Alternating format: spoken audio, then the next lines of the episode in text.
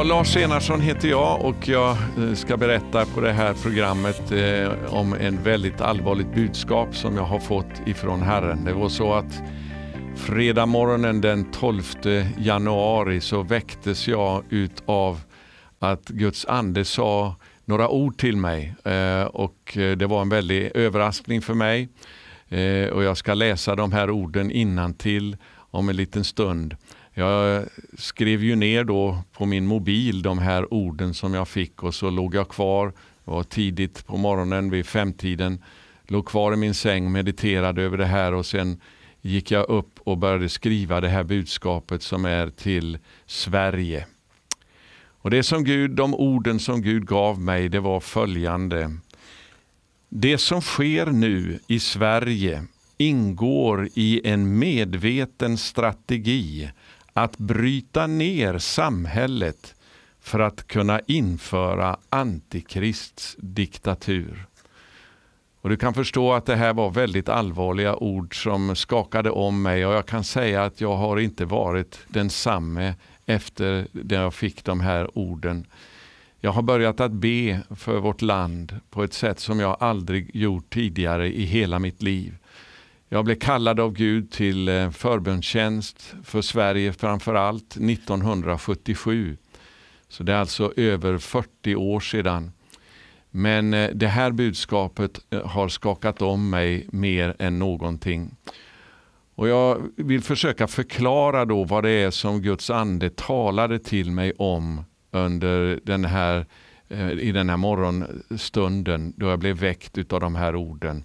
Jag vill bara säga då att det här kom som en eh, total överraskning för mig. Jag bor ju numera inte i Sverige utan eh, befinner mig utomlands. Jag hade inte en tanke på Sverige. Men när jag vaknade på morgonen så kan jag säga också, att jag fick de här orden, så stod det väldigt klart för mig att orsaken till att Gud hade talat det här till mig var därför att folk har börjat att be. Jag förstod det att det finns bedjare nu i Sverige som börjar ropa till Gud och därför så talade Herren de här orden till mig. Den här allvarliga utvecklingen nu som eh, vi ser i Sverige med våld på våra gator där kvinnorna inte längre kan gå fria på gatorna. Eh, det är en utveckling som har pågått under en längre tid men det har nu nått en sådan eh, brytpunkt så att om inte någonting händer som förändrar den här situationen snart så kommer vi att få se den här diktaturen, denna antikristliga diktatur införas i det här landet. Anarkins våld kommer att bli eh, en sådan nivå att eh, detta, eh, detta mörker kommer att sänka sig över Sverige eh, och tvinga myndigheterna att införa en sådan eh, tvångströja eh, helt enkelt i lagstiftning att framförallt kristen verksamhet kommer att bli väldigt svår att bedriva. Nu är den här utvecklingen inte unik för Sverige. Det pågår liknande saker över hela världen. Men det jag vill säga är att den har förmodligen gått längre i Sverige än i något annat land i världen. Vi ligger i frontlinjen nu för det som eh, förbereder antikrists maktövertagande över hela världen. Vi vet ju från det profetiska ordet att eh, det kommer en antikrist i den sista tiden som kommer att få eh, möjlighet att styra jorden under en kort period innan eh, vår frälsare och mästare Jesus från Nasaret kommer tillbaka på himmelens moln för att upprätta sitt eviga rike. Och det väntar vi på, det längtar vi efter och det ska bli underbart. Men det kommer en kris innan dess och nu, nu har vi gått väldigt långt i Sverige. I år är det ju ett valår eh, och jag tror att det här valåret nu det är eh, avgörande för Sveriges framtid. Um, eh, jag är inte säker på att vi kommer att få en möjlighet till igen att eh, överhuvudtaget ändra på situationen i vårt land om vi inte vaknar upp nu eh, och att det sker en förändring. Och Därför så är ju det här ordet jag har fått i första hand då en uppmaning till alla som hör det här att börja be. Och Det har jag personligen börjat att göra eh, på ett sätt som jag aldrig gjort tidigare som jag sa. Och Jag vill nu be var och en utav er att, som hör det här budskapet och som har öron till att höra vad anden säger, att börja be med mig för Sverige. För det här är ett positivt budskap också. Det är väldigt allvarligt men det är också ett positivt budskap. Jag tror att det finns möjlighet att vi kommer att få se en förändring. När jag började be så hade jag inte mycket tro för det men allt eftersom jag har bett så har jag känt att eh, Gud vill eh, förändra situationen i Sverige. Han vill att hans namn ska bli förhärligat igen i vårt land. Eh, att det som sker här ska få bli till hans namns förhärligande eh, och, och, nå ut över hela jorden. Det är ju så här att Sverige är ju idag i blickpunkten för eh, nästan hela världen därför att det är en utveckling som pågår här som är så enastående eh, i negativ bemärkelse som har gjort att Sverige har fått uppmärksamhet utöver världen. Och Det som då händer om vi vänder oss nu i allvarlig bön och fasta till Herren, det kommer att eh, väcka genljud i öronen på var och en som hör det, tror jag, över hela världen. Och jag har en sån revanschhunger när det gäller för Sverige. Gud kallade mig som sagt var till att be för det här landet för över 40 år sedan. Och mycket av det som han talade till mig om då, det har jag aldrig fått se ännu gå i uppfyllelse. Eh, och frågan är, är det loppet kört? Är det för sent? Eller finns det ännu en möjlighet att vända utvecklingen? Och det, det är mitt svar är, jag tror att det gör det. Det, det, finns en möjlighet om vi nu vänder oss till Gud i bön. Jag har själv börjat att be tre gånger om dagen. Det är ett bibliskt mönster. Vi vet att Daniel gjorde det. Han eh, gick ner på sina knän och bad och tackade Gud tre gånger om dagen och det skakade hela världsimperiet som han då var en av ledarna för. Eh, och vi vet också att David skriver om det i psalmerna om hur han tre gånger om dagen ropar till Herren. Det här är ett urgammalt kristet mönster också att göra det. Så det är eh, vad min appell går ut på här. Det är att du som lyssnar till det här budskapet ska gå ner på dina knän och börja be som aldrig tidigare. Nu är det så att Bibeln säger att efter två eller tre vittnens utsago så ska, eh, eller utsaga eh, så ska var sak avgöras. Och jag vill bara ge eh, två stycken bekräftelser på det som jag har fått eh, ifrån Gud när jag vaknade den morgonen den 12 januari. Och Den första bekräftelsen den är faktiskt inte från någon kristen profet utan den är ifrån en före detta politiker. Det är förre ledaren för Socialdemokraterna Håkan Juholt som sa i höstas på följande sätt. Han sa att eh, eh, demokratin i Sverige eh, den är på utdöende och det som kommer istället är antingen en teknokrati eller också eh, en diktatur. Och Det som fienden vill göra det är att han eh, vill införa Sverige som en mönsterbild för den diktatur som kommer att eh, härska över hela jorden eh, i den sista tiden.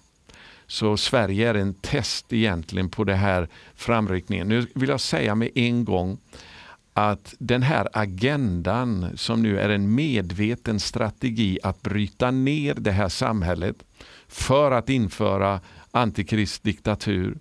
Det är en strategi som i första hand inte kommer ifrån människor utan den kommer ifrån försten eh, eh över luftens härsmakt. Den andemakt som Paulus skriver i Efesierbrevet 2 som nu är verksam i det ohörsamma. Den kommer ifrån, eh, som det står i Uppenbarelseboken, den gamle ormen som kallas djävul och satan och som förleder hela världen. Så det pågår alltså en demonisk satanisk konspiration född i avgrunden för att förgöra Sverige. Och eh, Det är det som ligger bakom den här utvecklingen. Och orsaken till att den har fått ett sånt stort utrymme i Sverige är ju därför att man har avsatt Gud. Man har avsatt Gud i politiken, man har avsatt Gud eh, inom skolväsende och utbildning. Gud finns inte längre med i bilden i Sverige. Sverige är, eh, som många menar, det mest avkristnade landet idag i hela världen och där de antikristliga strukturerna har kunnat införas vidare eh, längre än i något annat land. Och den här natten nu innan jag gör det här programmet så väcktes jag återigen utav Guds ande. Jag hade inte sovit mer än två timmar när jag plötsligt blev väldigt, väldigt eh, bryskt kan jag säga, väckt utav Guds ande och tvingad att gå upp och börja att be. Eh, och Det som Herren då talade till mig om det är att situationen är ännu allvarligare än vad jag hade förstått ifrån början. Elden är lös över Sverige och då menar jag inte en eld från himlen, jag menar en eld ifrån avgrunden. Och det luktar redan i, i, i, bränt i vårt land. Jag vet när jag var liten, jag var bara tre år gammal, så brann det i grannhuset där vi bodde. Och den där skräcken när jag väcktes mitt i natten utav att det brann i grannhuset, den förföljde mig under flera år med mardrömmar. Gud har eh, befriat mig från det nu tack och lov. Men det var en väldigt otrevlig upplevelse. Och Jag tror att kanske till en del, det här jag har att säga nu till dig som lyssnar, det kommer inte att vara väldigt välbehagligt för dig därför att kristenheten i vårt land sover. Och Det är inte eh, så populärt att bli väckt när man sover. Det är mycket, mycket bekvämare att fortsätta att sova. Men precis som jag blev väckt mitt i natten i natt innan jag skulle tala in det här programmet så eh, önskar jag att det jag säger nu till dig här att det kommer också att väcka upp dig för att börja be. För det finns en möjlighet att kunna ändra på den här situationen om vi går ner på våra knän och börjar att be och vi ödmjukar oss inför Gud. Men jag vill också lyfta fram den andra bekräftelsen som kom till mig på det här budskapet som Herren gav mig den 12 januari. Och Det var eh, Någon hade skickat det faktiskt på e-post. Jag hade inte gett det så stor uppmärksamhet men jag blev påmind om det här budskapet ifrån en, en gammal profet i norra Sverige som eh, skrev så här, Gud gav honom det här budskapet för två år sedan, 2016. Och jag ska läsa upp det här. Så säger Herren, Sverige kommer snart att besudlas. Fienden äger tronen i Sverige, i media och i politiken. Sverige gör vad Satan anbefaller om. Detta innebär att Sverige drar Guds dom över sig. Sverige kommer att falla hårt och det sker snart. Många av mitt folk kommer inte att förstå varför olyckan drar in. Sverige har skenet av att vara ett gott land, men det är bara på ytan. Var på er vakt, säger Herren. Min dom, när min dom kommer så kommer jag också att visa på en väg ut. En del av er kommer jag att flytta till andra nationer. Andra kommer jag att ge nyckelroller. Väckelse kommer, men först kommer straffet. Jag är Sveriges domare. Jag ensam avgör om Sverige ska bestå som land eller om ni ska ingå i ett kommande Ryssland. Amen. Så det här är ju väldigt allvarligt. Nu är det så här att eh, jag ska läsa ifrån Jeremia bok eh, om, eh, för att kunna förstå det här profetordet. Det står i det artonde kapitlet i Jeremia eh, så här eh, ifrån vers 7. Ena gången talar jag om ett folk och ett rike, att jag tänker rycka upp, bryta ner och förgöra det. Men om folket som jag talat om vänder om från sin ondska ångrar jag det onda som jag hade tänkt att göra mot dem.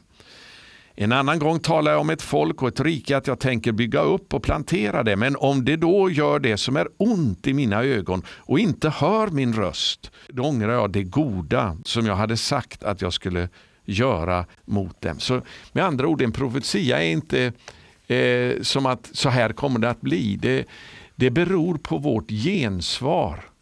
Om vi vänder om ifrån våra onda vägar så kan Gud ångra det onda som han hade tänkt. Och Jag fick tag på den här eh, profeten på telefon för några dagar sedan för jag ville prata med honom om hur han såg på läget idag. Han sa till mig att det, det enda nu som kan rädda Sverige det är bönekrigare med blankslitna knän utifrån en vånda för vårt land att det ska ändra kurs. Och Det är vad jag vill säga också med, den här, med det här programmet nu som jag talar in här. Eh, det finns fortfarande möjlighet att ändra kurs men det kommer att eh, kräva ett pris utav dig och mig. Vi kan inte fortsätta att sova som vi gör. Och som jag sa, kristenheten i Sverige idag, tyvärr, den sover. Och Det är ungefär som man eh, dansade i salongen på Titanic medan fartyget var på väg mot ett bråddjup. Vänner, vi måste ner på knä. Vi måste börja be.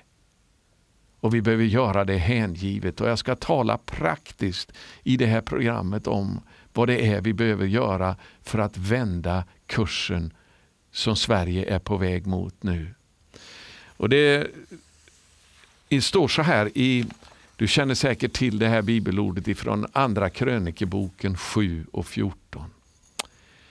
Där Gud säger så här, om mitt folk som är uppkallat efter mitt namn ödmjukar sig och ber och söker mitt ansikte och omvänder sig från sina onda vägar. Då vill jag höra det från himmelen. Gud är så nåderik. Det är aldrig för sent att vända om. Gud gav nåd till och med till de mest ogudaktiga kungar i Israel. Det kan vi läsa om. Manasse till exempel som gjorde mer ont än någon annan. Det står om hur han ångrade sin ondska och vände om och Gud gav honom barmhärtighet när han hamnat i fiendeland. Kung Ahab som grät när han fick budskapet från profeten Elia om det som Gud hade tänkt att göra. Herren sa, ser du hur, min, eh, hur Ahab ödmjukar sig inför mig? Jag ska inte låta domen drabba i hans tid. Det finns möjlighet att vända om i Sverige. Men det hänger på dig och mig. Och Det jag har fått som en utmaning här det är att det ska resa sig upp en armé av bönekämpar i vårt land likt Gideons armé. De var inte mer än 300. Fienden, minjaniterna, hade lägrat sig och de var talrika som sandkornen på havets strand. Men Gud gav seger genom Gideon och hans armé. Och Jag har inte, eh, som jag brukar säga här, jag har inte 380 pastorer och kristna ledare bakom mig i det här uppropet. Jag har inte en enda. Jag har många troende i det här landet som har hört av sig till mig efter det att jag gett ut det här budskapet. Och Jag har också pastorer måste jag säga och förkunnare också. Men inga stora ledare när det gäller eh, på det nationella planet som jag har bakom mig. Men jag hävdar att jag har himmelens Gud bakom mig, att han har talat till mig det här budskapet. Och Därför så manar jag till dig som har öron att höra vad anden säger till församlingarna. Att eh, ta tillvara på det här ordet och handla på det. Det finns fem stycken förutsättningar i Andra krönikeboken 7 och 14 om vi ska få se en förändring i vårt land. Fem stycken förutsättningar för att vi ska få se då avslutningen på versen. Och jag läste inte den, jag ska göra det också. Men det står eh, Då vill jag höra det från himmelen och förlåta deras synd och skaffa läkedom åt deras land. Det är vad Gud har möjlighet och makt att göra för Sverige fortfarande. Som jag sa, det finns en kallelse på Sverige. Gud visade mig när han kallade mig till bönetjänst för 40, drygt 40 år sedan. Som jag fortfarande inte har fått se gå i uppfyllelse och som jag vet att många andra profeter har fått också en uppenbarelse när det gäller Sverige. Att Gud vill använda Sverige till, för sitt rikes utbredning ner över hela Europa och världen. Jag tror den kallelsen fortfarande finns kvar. Men det är precis som på Elia tid nu vänner. När Elia trädde upp så hade det aldrig varit så mörkt någon gång i Israels historia. Men då bryter Gud in med en bönekämpe. I Elia var en man med samma natur som du och jag. Han bad en bön att det inte skulle regna på, eh, och det regnade inte på tre och ett halvt år. Åter banade en bön och himmelen gav regn. Han hade makt med Gud därför han visste hur man skulle be. Och det är simpelt mitt budskap jag har. Det är att vi måste ta det på allvar att börja be. Men låt mig gå till de här fem punkterna nu.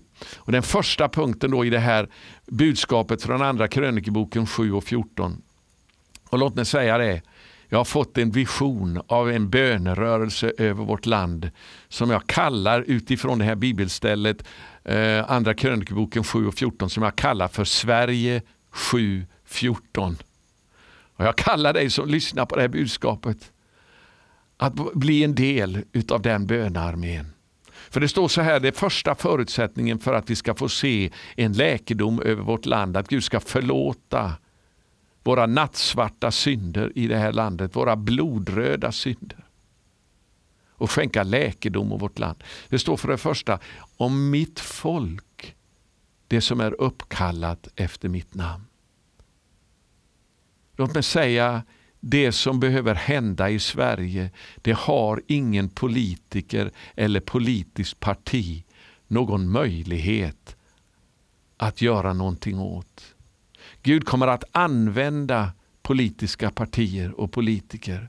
För det är så han har, verkar i denna tidsålder. Och därför ska vi be för politiker och politiska partier. Men de har i sig själva inte makt att kunna ändra kursen i det här landet. Det är bara bedjarna, det är bara det folk som är uppkallat efter Guds namn som har den möjligheten, som har den resurserna genom himmelens Gud till att ändra på Sveriges kurs. Och Därför måste vi ta det här ansvaret. Det andra steget som det nämns då i det här bibelordet om mitt folk, det som är uppkallat efter mitt namn. Vad står det? Ödmjukar sig. Det kommer före bön. Vi måste ödmjuka oss inför himmelens Gud. Vi måste erkänna att vi har eh, gått vilse, att vi har eh, eh, brustit i att vara salt och ljus till att förhindra förruttnelsen i det landet. Det är bara vi som vi kan skylla på i slutändan till varför det ser ut som det gör i Sverige idag. Och Det tror jag inte du behöver någon beskrivning om egentligen närmare av mig hur illa det ligger till idag i Sverige. Och Därför måste vi som är Guds folk börja med att ödmjuka oss. Och Det finns två sätt praktiskt som vi kan visa att vi ödmjukar oss inför Gud. Och Det första det är att, det är att vi böjer våra knän inför Herren inför allsmäktig Gud.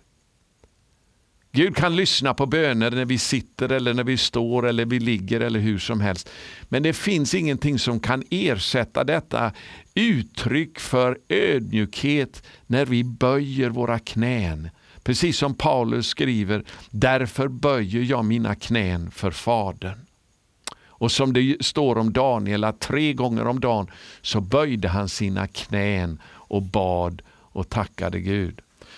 Det andra sättet som vi kan visa vår ödmjukhet eh, inför Herren det är genom fasta. Det står om, eh, eh om eh, Esra när han skulle vända åter med folket tillbaka till löfteslandet. Då ödmjukade vi oss. Jag utlyste en fasta för att vi skulle ödmjuka oss inför Gud och be om en lyckosam resa.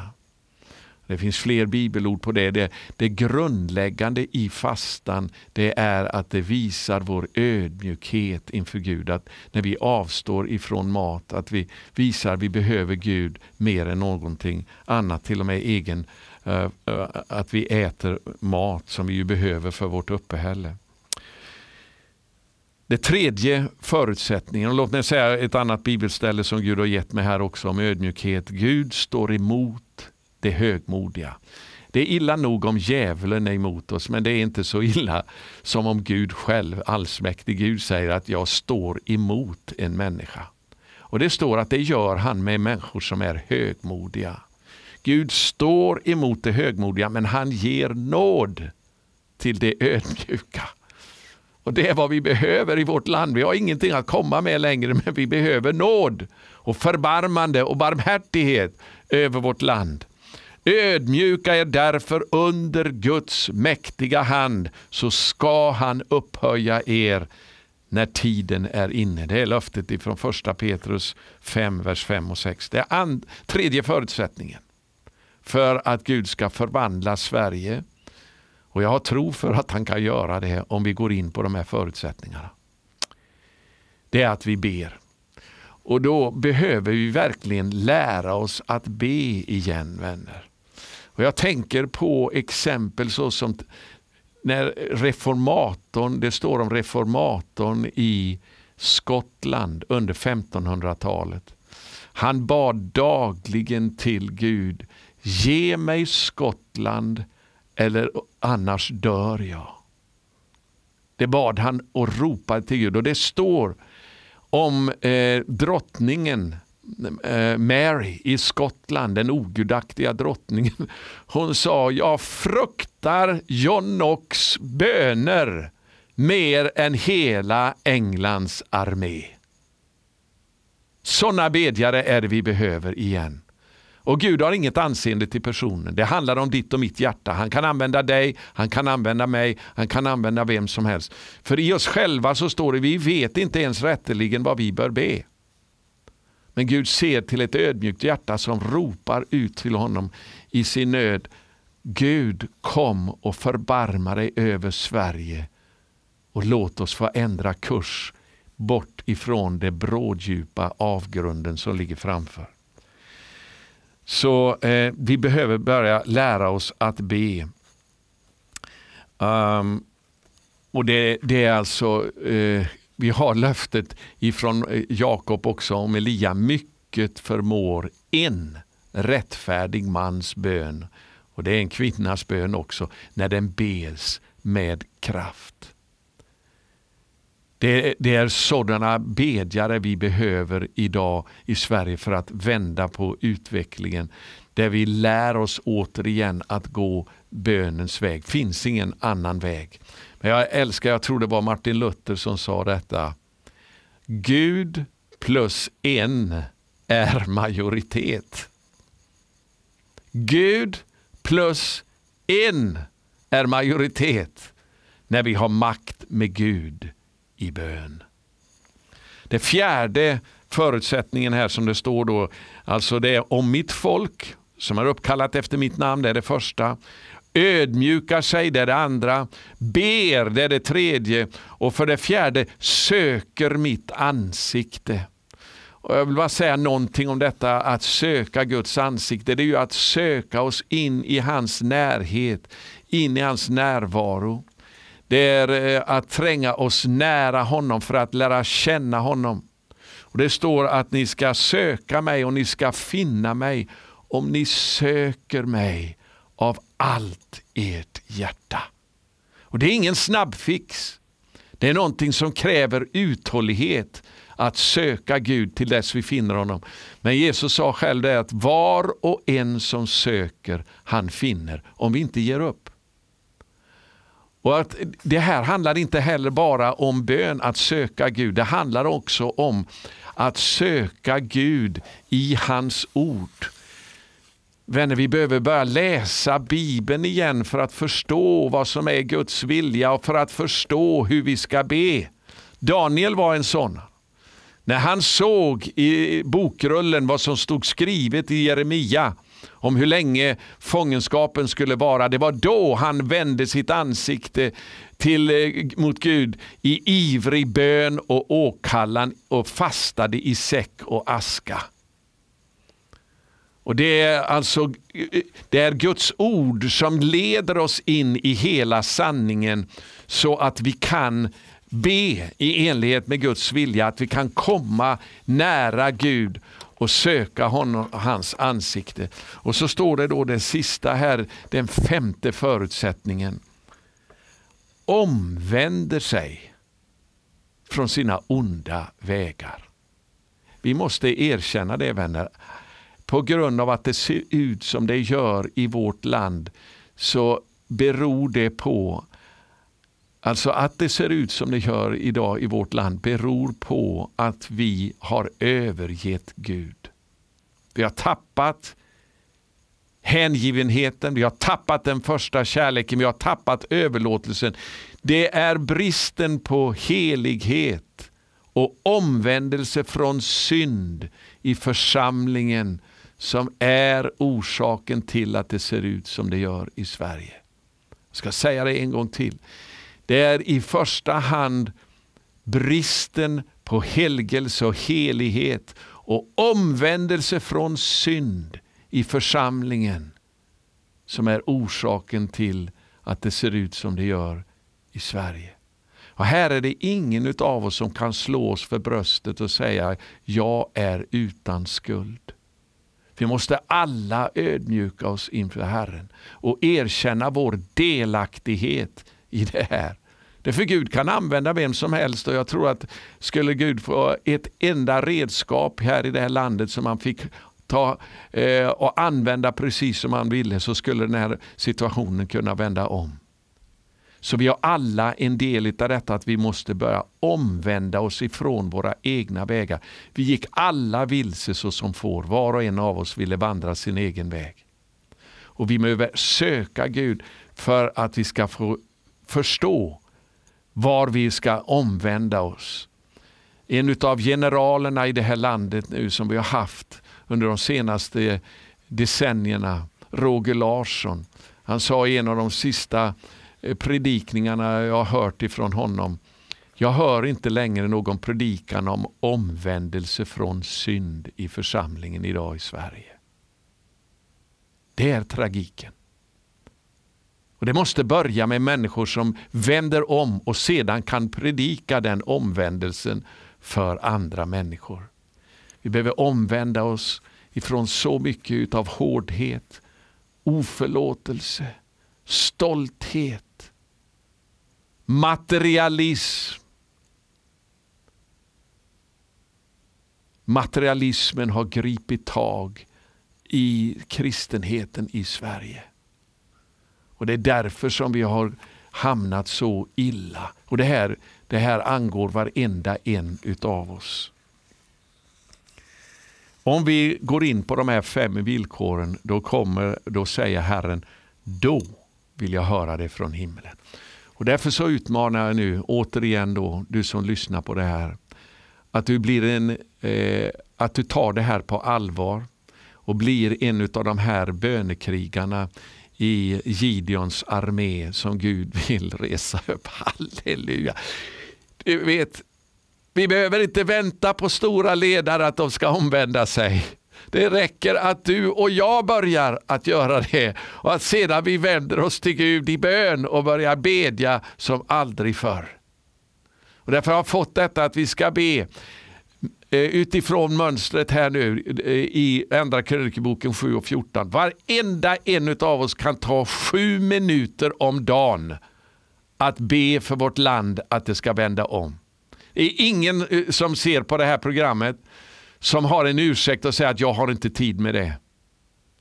Men om du kan ta och börja åtminstone någonstans med att sätta din väckarklocka, sätta din, ditt tidtagarur på en tid med Gud.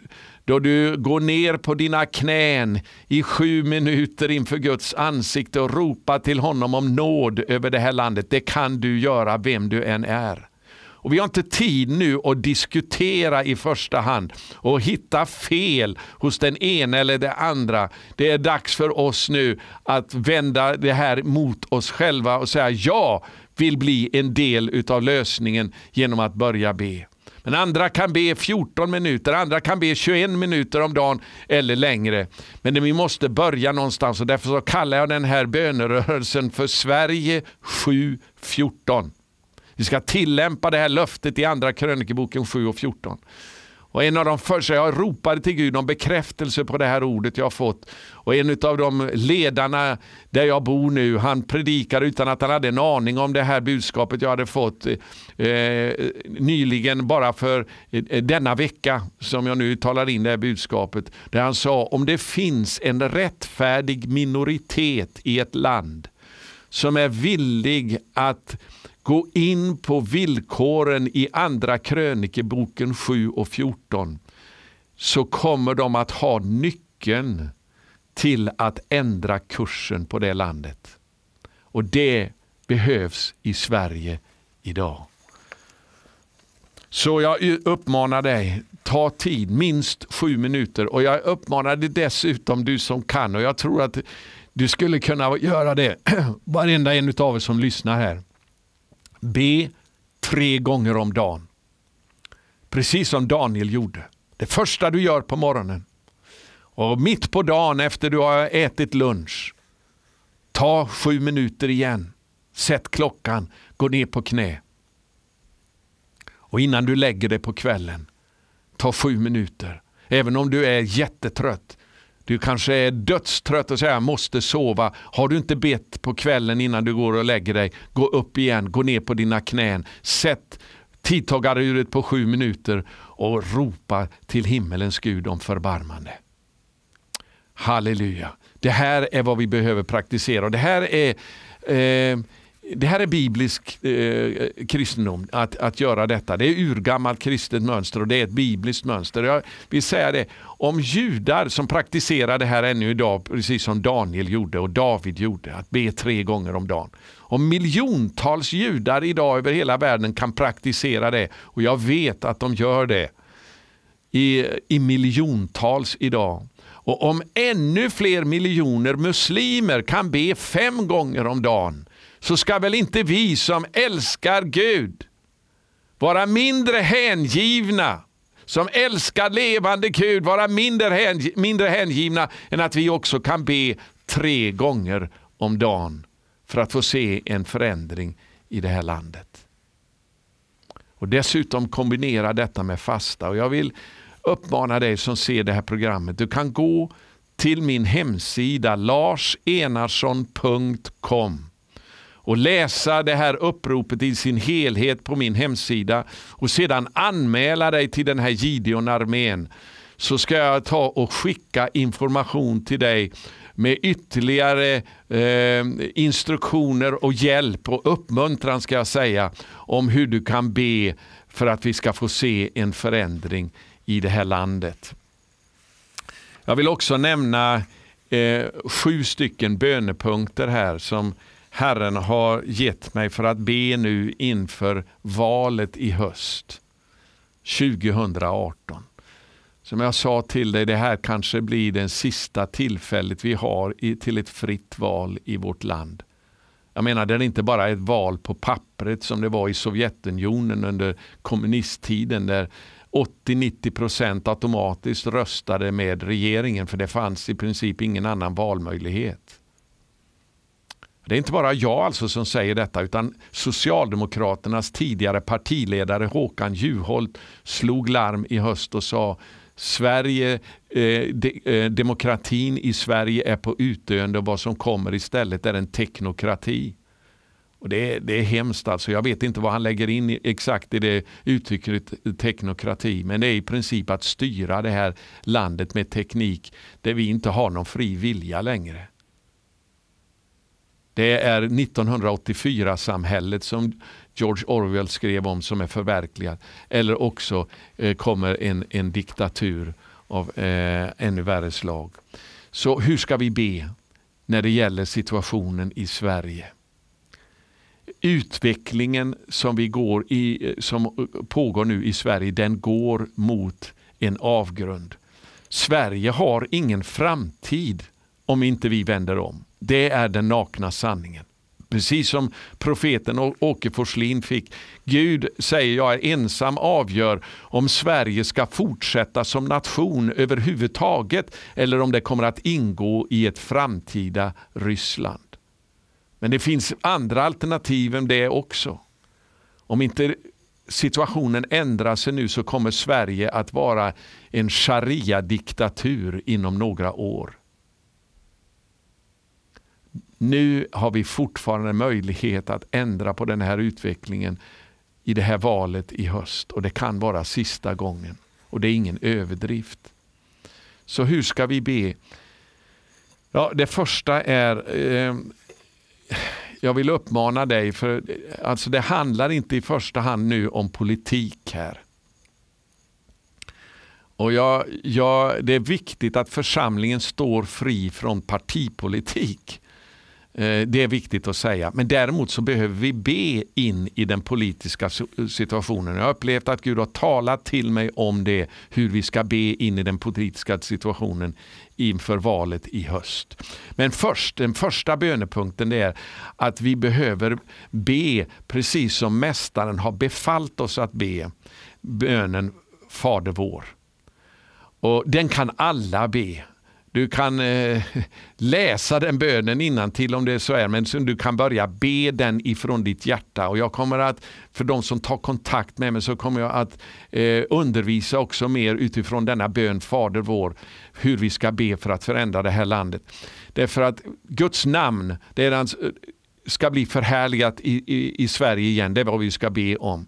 Guds namn har blivit draget i smutsen. Guds namn har blivit, Gud har blivit eh, skickad på porten. Gud har blivit förlöjligad i det här landet. Och vi måste be, vår Fader som är i himlen, låt ditt namn bli helgat. Låt ditt namn bli ärat, upphöjt och fruktat igen i Sverige.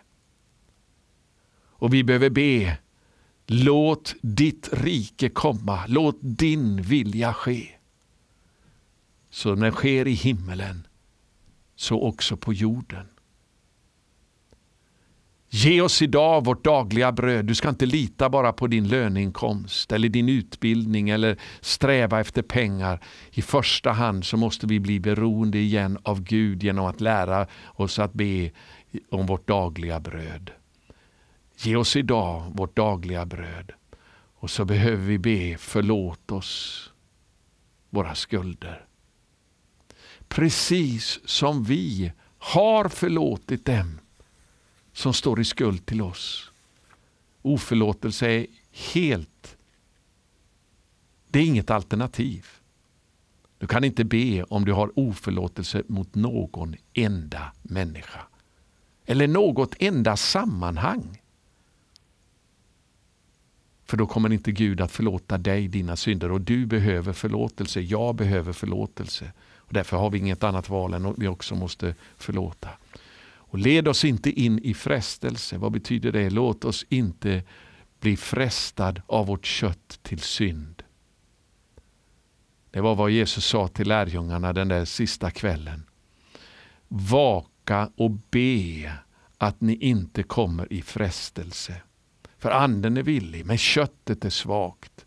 Och därför är det bönen i Fader vår ett rop till Gud om hjälp att inte bli inledd i frestelse utav vår onda kötsliga natur. Utan fräls oss ifrån det onda. Låt det inte få makt över oss. Och så avslutar vi till riket är ditt och makten och härligheten i evigheternas evigheter. Han kommer att trona och regera som konung i all evighet långt efter Sverige har, eh, har försvunnit. Han är den enda slutliga auktoriteten och tack och lov, Gud är god. Det andra vi ska göra då, det har redan rört vid, det andra bönämnet jag fått är att vi måste be om förlåtelse för det vi har gjort som kristna i det här landet. Att kristenheten är inte längre en röst ifrån himmelen. Den har blivit ett eko från världen. Och Vi måste be Gud om förlåtelse. Det är det viktiga. Att vi ångrar oss ifrån vår synd och att vi omvänder oss från vår orättfärdighet. Hur ska vi be politiskt då? Ja, det här är väldigt kontroversiellt det jag ska säga nu. Och En del av dem kommer absolut inte att ta emot det som jag säger nu. Men jag upplever att jag har fått det här ifrån Gud och därför så drar jag mig inte tillbaka. Jag, eh, jag tar inte tillbaka någonting av det jag säger nu. Det första vi ska göra det är att vi ska be om att det parti som bär Guds namn idag, Kristdemokraterna, att de ödmjukar sig och omvänder sig från sin synd. Därför om man inte gör det så kommer inte det partiet längre att vara kvar i riksdagen. Vi har en ledning nu för det kristna partiet här nu som har gått i bräschen, gått i ledet för Pride-festivaler i det här landet. Som har lagt fram lagförslag för att eh, driva fram den homosexuella andan i Sverige. Som vägrar att ändra på abortlagen. Som har prutat av på i princip vartenda kristna, kristen värdering som finns. Man har bytt bort Guds ord mot politisk korrekthet. Det finns ingen framtid för ett sådant parti om man vill kalla sig för kristet.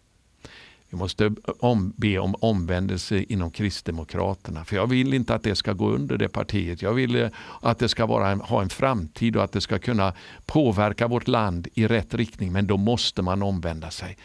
Människor idag i KD som står för bibliska värderingar, de blir mobbade, de blir utfrysna. De blir trakasserade. Jag har pratat med dem själva, jag vet. KD måste vända om. Vänner, det brinner en helvetes eld i Sverige idag. Vi har inte tid att leka. Och om vi ska göra anspråk på Guds namn så har vi absolut inte tid att kompromissa med Guds ord. Det fjärde vi ska be för, och det här är ännu mer kontroversiellt. När vi har bett om förlåtelse för vår kristenhet i det här landet så måste vi be för Jimmy Åkesson som partiledare för Sverigedemokraterna. Och det här, nu, nu är det folk här som börjar att eh, inte tycka om det jag säger, men jag upplever så klart att jag har detta ifrån Gud. Sverigedemokraterna är vad jag förstår det enda partiet i Sverige idag som öppet står upp för att man vill bevara Sverige som ett kristet land. Jimmy Åkesson är den enda partiledaren i riksdagen idag som öppet har gått ut och be människor att börja be för Sverige. Vad har kristenheten gjort? Man har sagt nej och man har förbannat och man har förlöjligat. Jag, jag säger ifrån Guds ande, Guds vrede vilar över det högmodiga självrättfärdigheten i svensk kristenhet idag.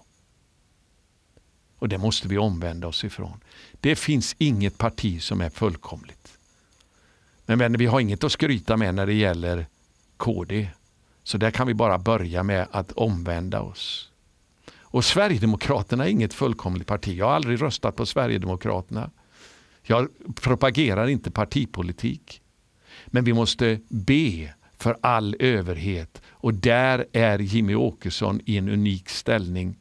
Därför Sverigedemokraterna är det enda parti som står utanför den oheliga allians som bildades eh, efter förra valet i den så kallade hör dö-överenskommelsen. Det är profetiskt, det är just vad det är, DÖ.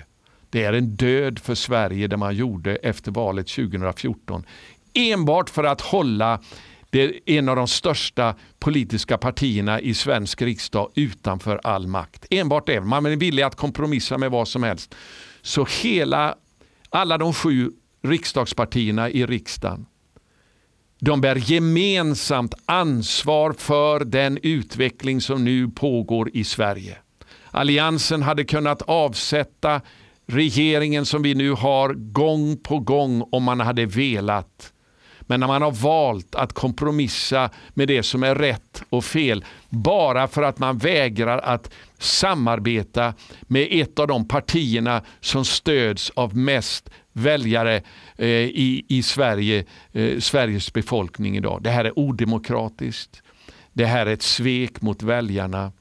Och Det gör att i den här utvecklingen som nu pågår i Sverige så finns det bara ett alternativ att gå åt ett annat håll och det är Sverigedemokraterna. Och Jag säger inte att det är ett perfekt parti. Det finns mycket att invända mot det partiet. Men det är verkligheten idag. Ta bara en fråga som är så angelägen för alla som fruktar Gud i vårt land. Det är vårt lands inställning till Israel. Sverige är idag den mest Israelfientliga nationen i hela västvärlden. Det finns ingen annan utrikesminister som är persona non grata i västvärlden, i Israel idag, mer än vårt lands utrikesminister. Och Sverigedemokraterna har återigen gått ut och sagt om vi får bestämma så tänker vi flytta Sveriges Israelambassad ifrån Tel Aviv till Jerusalem. Vad säger Kristdemokraterna? Nej, Israel måste först gå göra en fredsuppgörelse med terroristerna i Ramallah och Gaza. Vänner, vi behöver ge, be för Jimmy Åkesson istället för att förbanna. Be att Gud ger honom sin hjälp, sin smörjelse, sin visdom att kunna leda det parti han har ansvar för på ett rätt sätt. Och sen den femte bönepunkten jag har här att be för, äh, för valet i höst. Det är att vi måste be att Gud avslöjar allt valfusk, all eh, eh, alla försök till valfusk, all lögn, allt bedrägeri och all manipulation som nu pågår för att undanhålla sanningen ifrån eh, befolkningen i Sverige för att manipulera valet i höst. Och Det här gör man idag på olika sätt ifrån regeringshåll. Under eh, medan man skyller på att man ska försöka försvara landet ifrån fake news och ifrån inblandning ifrån Ryssland så stryper man, gör man allt nu för att strypa det fria ordet som vill kritisera regeringen. Och Det här är bara början på diktaturen som nu är på väg. Om vi inte ändrar kurs i höstens val. Och Därför så har jag fått väldigt konkret här och det är återigen, du kanske inte gillar det här, det bryr jag mig inte om. Jag tror att det finns tillräckligt många bedjare i det här landet som kan, eh, ja, vi kan komma överens i bön inför himmelens Gud. Jag tror att vi ska be att Sverigedemokraterna blir det största partiet i valet i höst. Det kommer att kräva ett mirakel. Jag vet inte hur Gud ska göra det. Men för att det här landet ska kunna vända kurs så behöver Sverigedemokraterna bli det största partiet i valet i höst. Och Jimmy Åkesson blir vår nästa statsminister. Och dessutom så behöver Moderaterna och KD de behövs i riksdagen, KD. Moderaterna och KD behöver eh, komma överens med Sverigedemokraterna om att bilda ett alternativ till socialismens destruktiva agenda för Sverige. Där man har svurit i sitt partiprogram fiendskap mot korset, evangeliet och Gud i det här landet. Det finns inskrivet i Socialdemokraternas stadgar. Vi kan inte gå i maskopi med det vänner. Det måste bli en ändrad kurs i Sverige. Och De enda som har ett förtroende idag av en ärlig önskan att ändra kurs är Sverigedemokraterna, men de kommer inte att klara det ensamma. Och därför behöver vi be om ett mirakel att SD, Moderaterna och KD kan bilda regering efter valet i höst. Och Den sista bönepunkten det är då att be att Sverige blir ett föredöme som en Israelvänlig nation istället i hela Europa och västvärlden. Och om Sverigedemokraterna får bestämma så kommer Sverige att bli en Israelvänlig nation. Så finns det då saker och ting naturligtvis som vi kan ha att anmärka på. Det kan vi bedja för. Att Gud hjälper en sådan regering att kunna korrigera och ändra på. Men vi måste be fram de som har den ärligaste längtan av att bevara vårt land fritt, att hindra den utvecklingen som nu pågår, att de kan få eh, ett initiativ i politiken i Sverige som de inte har haft förut. Och att övriga partier Eh, också kan vända om ifrån den kurs man nu har. De som kan. Och jag tror för att åtminstone om vi ber om ett mirakel att både Moderaterna och KD kan bli en, eh, ingå i en sådan framtida regering för att bilda ett alternativ för att stoppa utvecklingen mot den antikristliga diktaturen som är på väg i Sverige. Så det här är vad jag hade att säga. Ta kontakt med mig om du vill stå med i den här bönekampen. Om du vill vara en del av denna Gideon-armé som ber och fastar för en förändring i Sverige. Vi måste be att evangeliet får en öppenhet i vårt land igen. Och återigen, Sverigedemokraterna har sagt att de vill att Sverige ska vara ett kristet land. Jag vet inte hur du läser din bibel, men i min bibel står det Jesus sa till lärjungarna när de klagade över andra som inte vandrade med dem vad de skulle göra. Kom ihåg det, den som inte är emot oss är för oss. Och därför så, det, Jag pratar egentligen inte partipolitik här. Jag säger inte i det här programmet, jag vill att du ska lyssna på mig väldigt noga nu. Jag säger inte i det här programmet att Sverigedemokraterna är lösningen på Sveriges problem. Missförstå mig inte på det sättet för då, då eh, gör du någonting som jag inte säger. Det är församlingen som är den enda lösningen på Sveriges problem. Men Gud, församlingen är inget politiskt parti. Församlingen kan inte sitta i riksdagen och styra det här landet. Det behövs det politiska partier till. Och där behöver församlingen stå polit, partipolitiskt obunden. Men bedja för de redskap som Gud kan använda det, så mycket det någonsin går. Och därför så ska vi be på detta sättet. Så ta kontakt med mig. Gå på, till min hemsida larsenarsson.com. Och om Gud rör vid ditt hjärta att förena dig med mig i bön för en förändring för detta land. Att be tre gånger om dagen att börja fasta och jag ska tala om de direktiv Gud har gett mig när det gäller fastan här för en förändring i Sverige. Så ta kontakt och gå till min hemsida och anmäl dig där till den här Gideonarmén i Sverige 714. Jag är så glad att det finns möjlighet att be till himmelens Gud. Och att han är en Gud som är barmhärtig, nådig han vill Sverige väl och han svarar på bön än idag. Och han vill förhärliga sitt stora namn över hela världen genom en förändring i Sverige. Det var vad jag hade att säga. Gud välsigne dig. Tack för att du har lyssnat. Gud älskar dig och må Gud risa upp Sverige till en nation som fruktar Música